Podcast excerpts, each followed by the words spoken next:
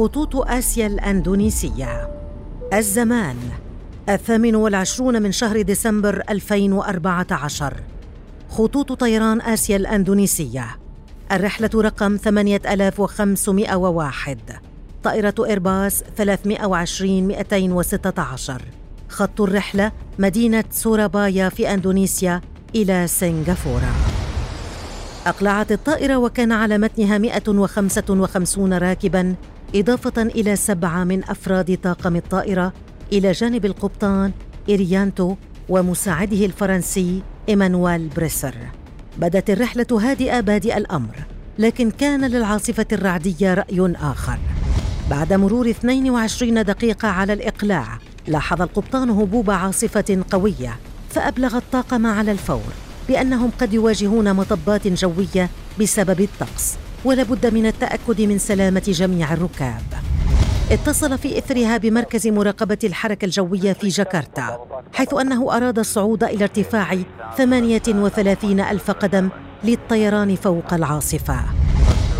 فجأة وقبل أن يتصل بمراقبة الحركة الجوية أطلق إنذار في قمرة القيادة.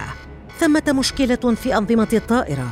الأمور تسوء بشكل دراماتيكي. ما العمل إذن؟ شغل مساعد الطيار نظام المراقبة الإلكترونية المركزي الذي طلب من الطيار إعادة تشغيل جهازي التثبيت على متن الطائرة لحل المشكلة. بعد ذلك اتصل القبطان بمراقبة الحركة الجوية التي سمحت له بالصعود إلى ارتفاع 34 ألف قدم. التحذير ينطلق للمرة الثالثة من أجل المشكلة نفسها. فيقوم القبطان مجددا بإعادة تشغيل نظام التثبيت ظنا منه.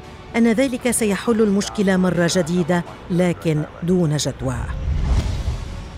بضع دقائق وانطلق جرس التحذير للمرة الرابعة. قام عندها القبطان بفصل اثنين من فيوزات الدار الكهربائيه الخاصة بأنظمة تثبيت الطائرة فاختفى صوت التحذير.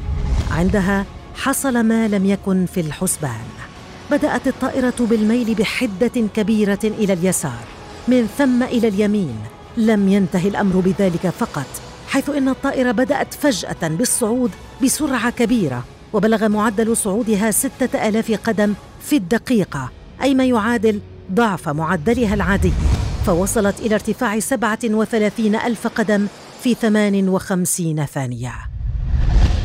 الآن فيما أصبح القلق والذعر سيدي الموقف بدأت الطائرة بالسقوط والميلان. والانحدار بشدة إلى اليسار. هكذا ورغم محاولات الطيار ومساعده الإمساك بزمام الأمور إلا انهما بدا وللأسف الشديد غير قادرين على إنقاذ الطائرة.